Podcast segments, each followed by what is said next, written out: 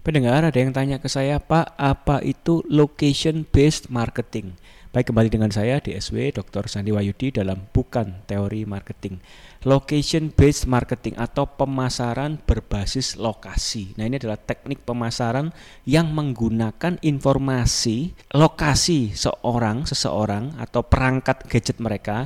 Kemudian kita gunakan informasi lokasi tersebut untuk mengirimkan pesan, tawaran promosi atau konten yang relevan akan lokasi titik mereka berada. Jadi tujuan dari location based marketing adalah menciptakan pengalaman yang lebih pribadi dan relevan terkait kondisi di mana mereka berada, data lokasi mereka. Beberapa poin penting terkait location based marketing adalah teknologi yang kita pakai. Jadi teknologinya menggunakan berdasarkan data lokasi seperti GPS ya, Global Positioning System, Wi-Fi, Bluetooth atau RFID, Radio Frequency Identification atau data seluler yang mereka nyalakan untuk melacak keberadaan lokasi individu atau perangkat gadget mereka. Jadi kita gunakan teknologi yang tepat ya dan yang pasti jangan terlalu mahal karena location based marketing ini juga impactnya uh, bisa sangat targeted di lokasi tertentu tapi kembali biaya kita juga harus diperhatikan. Yang kedua adalah personalisasi karena kita punya informasi lokasi maka kita dapat memberikan pesan promosi atau penawaran yang relevan dengan lokasi saat itu di mana mereka berada saat itu juga.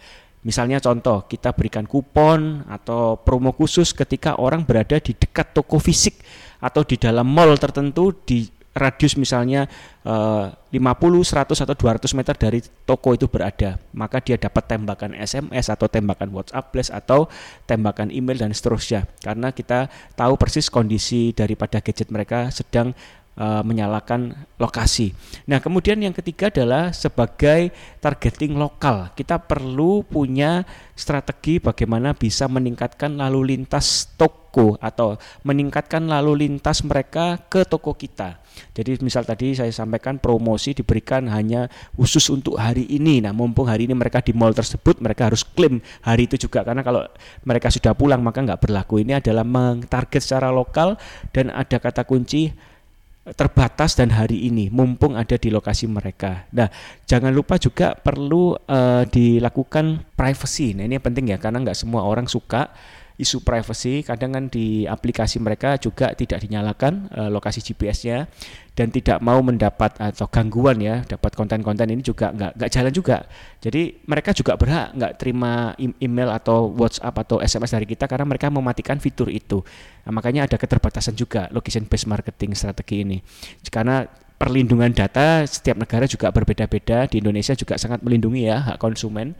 Uh, artinya setiap mereka download sesuatu atau menjalankan aplikasi tertentu kan selalu ditanya mau nggak e, memberikan akses foto lah, lokasi dan seterusnya. Kalau privasi mereka sangat terbatas, sangat mereka concern, jadi kita tidak bisa menjangkau model orang-orang yang gini. Biasanya orang model gini memang nggak cari promo ya, bayar mahal pun nggak masalah mereka. Biasanya orang yang cari promo itu yang nyalakan semua fiturnya supaya mereka dapat potongan diskon macam-macam.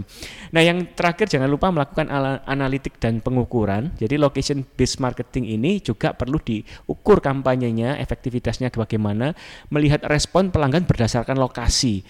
Nah, ini juga sebagai alat bantu evaluasi supaya kita lebih efektif ke depannya.